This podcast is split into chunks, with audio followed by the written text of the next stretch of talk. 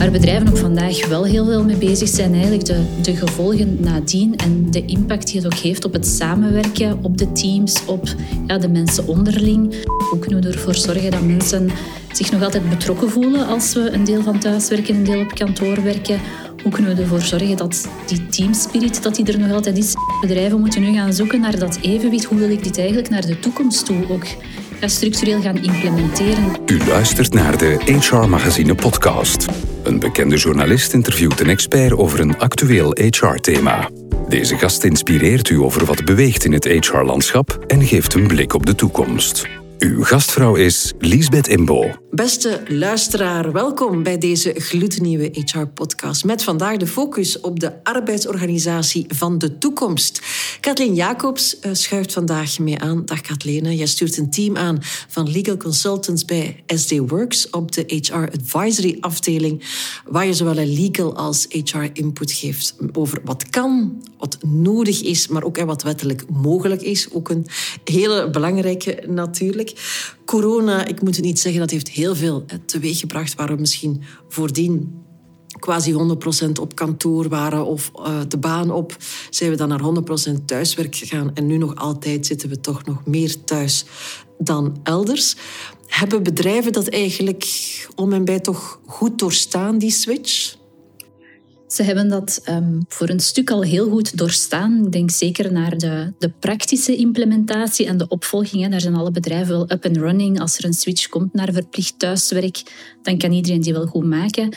Waar bedrijven ook vandaag wel heel veel mee bezig zijn, eigenlijk de, de gevolgen nadien en de impact die het ook heeft op het samenwerken, op de teams, op ja, de mensen onderling. Um, ja, wat brengt dat allemaal teweeg? Hoe kunnen we ervoor zorgen dat mensen zich nog altijd betrokken voelen als we een deel van thuiswerken, een deel op kantoor werken? Hoe kunnen we ervoor zorgen dat die teamspirit dat die er nog altijd is en dat ik mij als werknemer ook nog altijd verbonden voel met mijn bedrijf? Ja. Die bedrijfscultuur en, en ja, wat er daar heerst, blijft ook nog wel belangrijk. Zeg je dan van we komen eigenlijk in een nieuwe fase terecht, namelijk de, de, de bestendiging en dus misschien het opnieuw uittekenen van hoe gaan we gaan werken? Ja, zeker en vast. Bedrijven moeten nu gaan zoeken naar dat evenwicht. Hoe wil ik dit eigenlijk naar de toekomst toe ook ja, structureel gaan implementeren? We zaten in, in een periode van verplichtingen. Thuiswerken, ja, nee. We mochten een beetje teruggaan.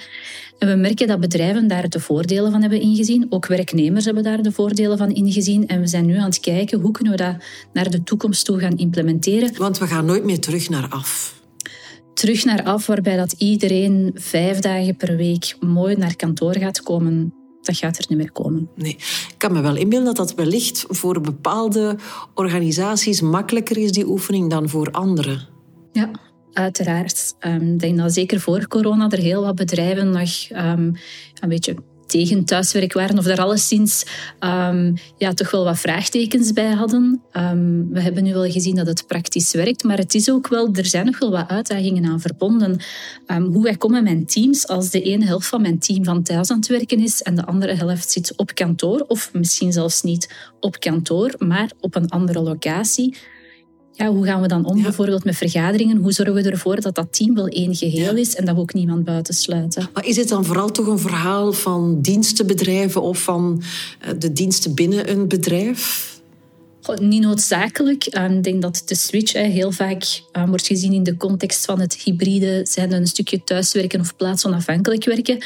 Maar ook andere bedrijven, bijvoorbeeld in productieondernemingen, um, is wel men geconfronteerd geweest met een aantal wijzigingen. Heeft men wat snelheid moeten pakken. Um, denk bijvoorbeeld aan bedrijven in de e-commerce die hun volumes zagen pieken tijdens de, de lockdown.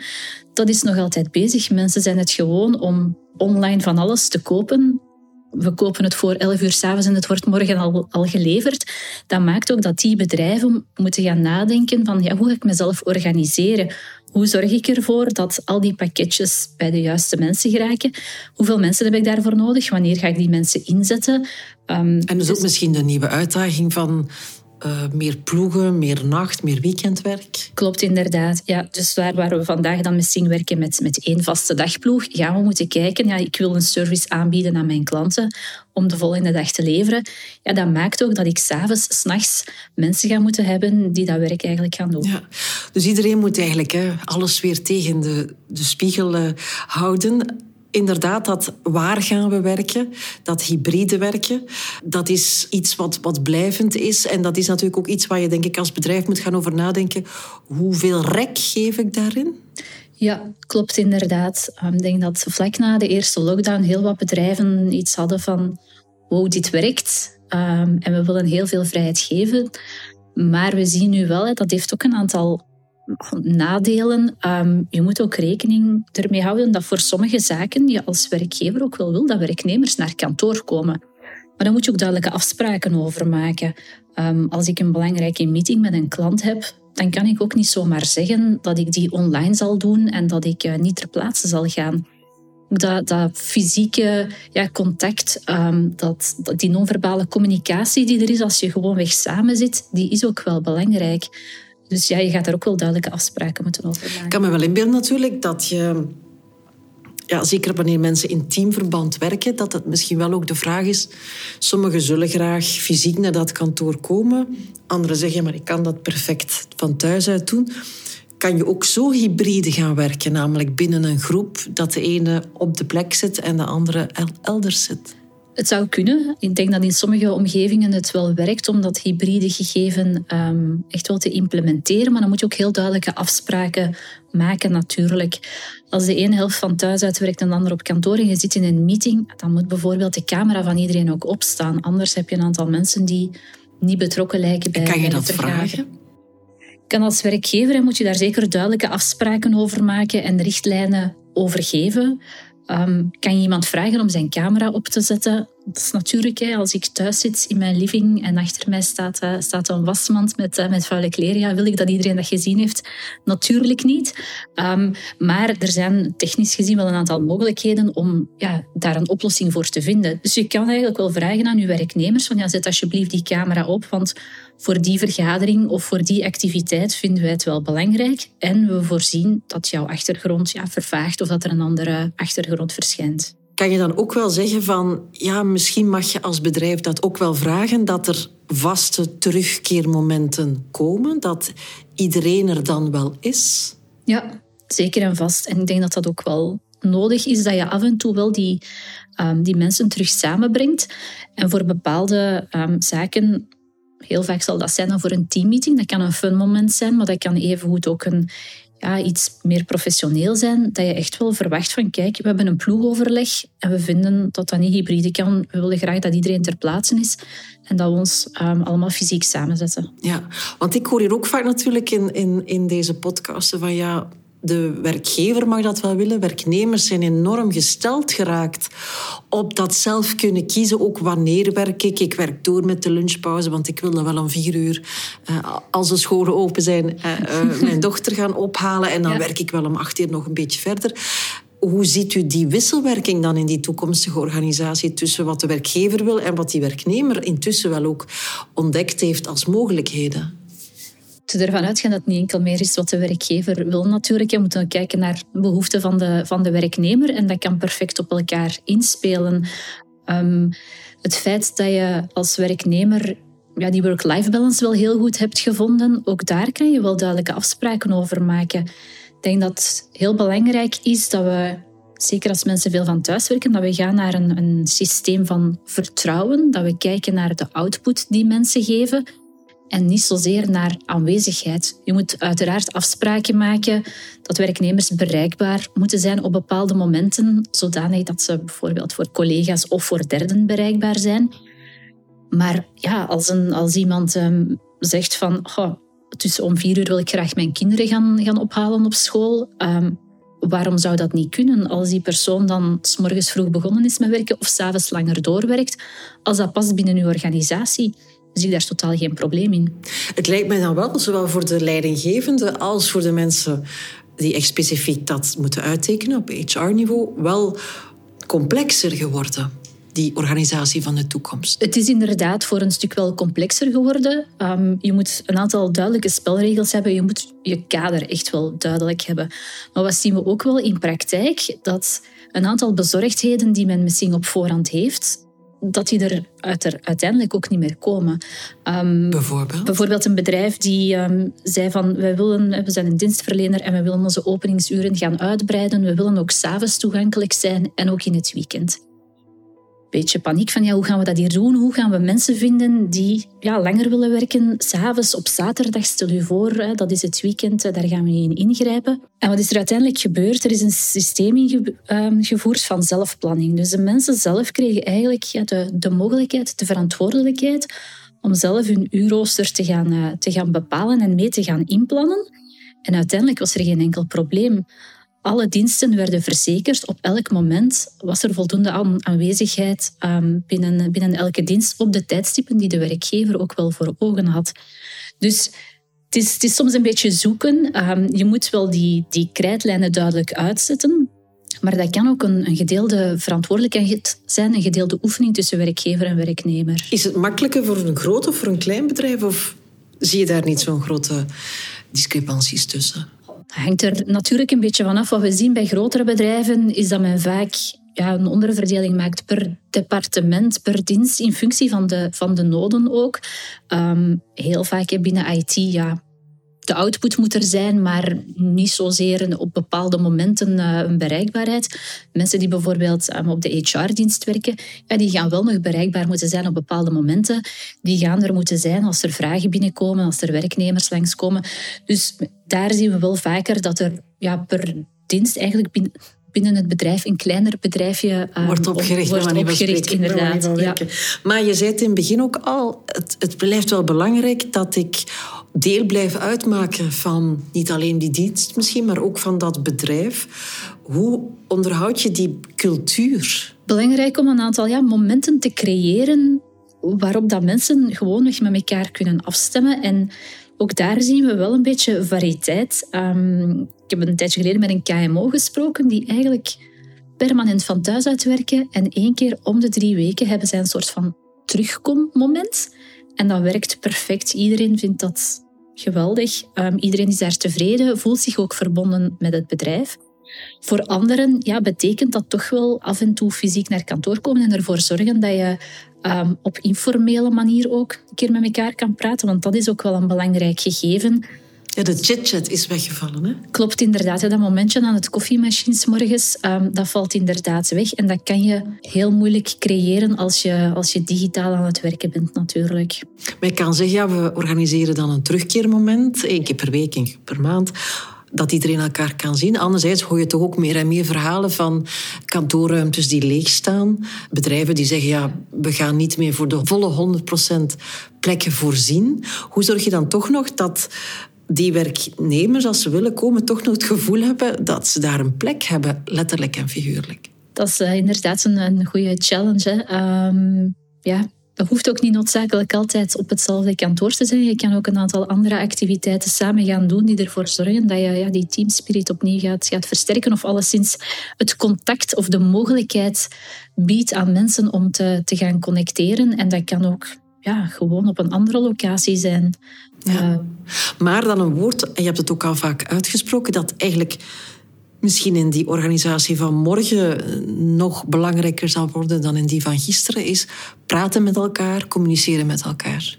Ja, klopt inderdaad. Ik denk zonder duidelijke afspraken, zonder een goede communicatie, gaat het ook niet werken natuurlijk. Als we allemaal op verschillende locaties zitten en we zitten allemaal op ons eilandje zonder dat we dat contact zoeken, of het nu fysiek of digitaal is, ja, dan gaan we een beetje verloren lopen en gaan we die binding ook wel missen. En dat is voor een stuk Um, iets wat je als werkgever mee kan ondersteunen door daar inderdaad momenten te voorzien, locaties te voorzien, um, dat mensen samen kunnen komen en kunnen connecteren.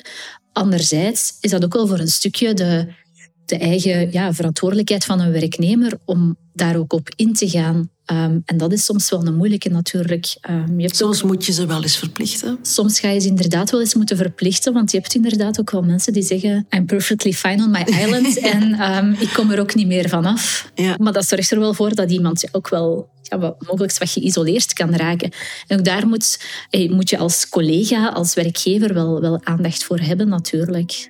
Als we ook meer en meer inderdaad gaan kijken van wat is het werkritme dat bij mij past. Ik wil om vier uur aan die schoolpoort staan of ik wil net heel vroeg beginnen En, en ik wil dat ze mij vanaf vijf uur gewoon gerust laten, bij manier van spreken.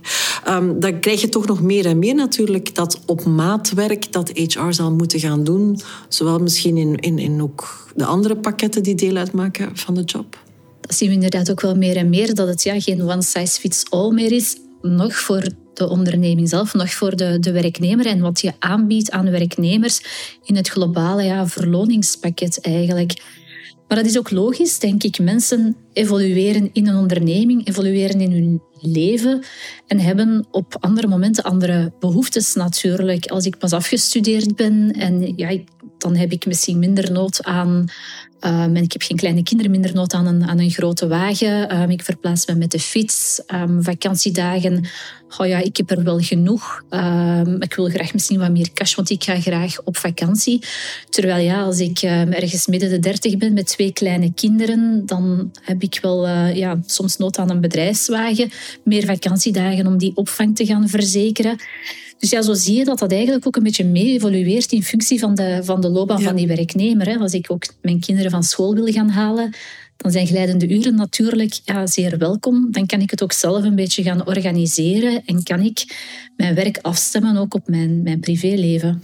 Zal dus ook de manier waarop je je bedrijf organiseert ook meer en meer natuurlijk een asset worden in die hele war on talent? Ja, klopt inderdaad. Ah, we merken ook wel meer en meer dat werknemers daar zelf naar vragen, maar ook voor de werkgever is dat alleen maar een voordeel. Hè.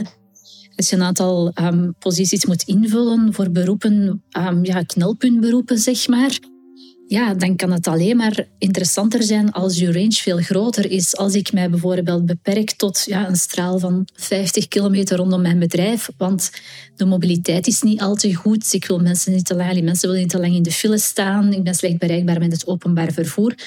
Als ik aan mensen ga vragen om vijf dagen per week dan naar kantoor te komen, ja, dan ga ik mensen ook afblokken natuurlijk. Als ik daarentegen zeg van, oh, ja, wij hebben een aantal locaties ehm, verspreid ehm, over het land en je kan drie dagen per week gaan thuiswerken en daarnaast bieden wij glijdende uren aan. Ja, dan gaat natuurlijk ga je veel meer mensen kunnen aanspreken, net omdat zij die vrijheid en die flexibiliteit krijgen. Als je dan toch die oefening aan het maken bent van de arbeidsorganisatie van de toekomst. We hebben al gekeken naar, oké, hoe zorgen we dat die werknemer zich hier goed voelt en, en toch hè, kan ergens tegemoet komen worden aan hoe hij of zij haar leven in die fase wil ingevuld zien. Het is natuurlijk ook een, een moment voor een organisatie om te kijken van, zijn we wel goed georganiseerd? Hebben we wel de juiste mensen op, op de juiste momenten? Ja, klopt inderdaad. Ook dat is wel belangrijk, dat je perfect weet als organisatie wat heb ik nodig. En misschien heb je die mensen ook, misschien heb je dat talent ook al wel in huis, maar moet je het gewoon even gaan verplaatsen natuurlijk. Dus ook daar ga je goed in kaart moeten brengen van wat zijn mijn behoeften als, als organisatie. Um, als je op een bepaald moment in het jaar misschien wat pieken in je volume hebt en meer mensen nodig hebt, heb ik die dan in huis? Of heb ik die niet? Hoe ga ik dat hier allemaal aanpakken? Ga ik beroep doen op externe of ja, zoek ik een andere oplossing?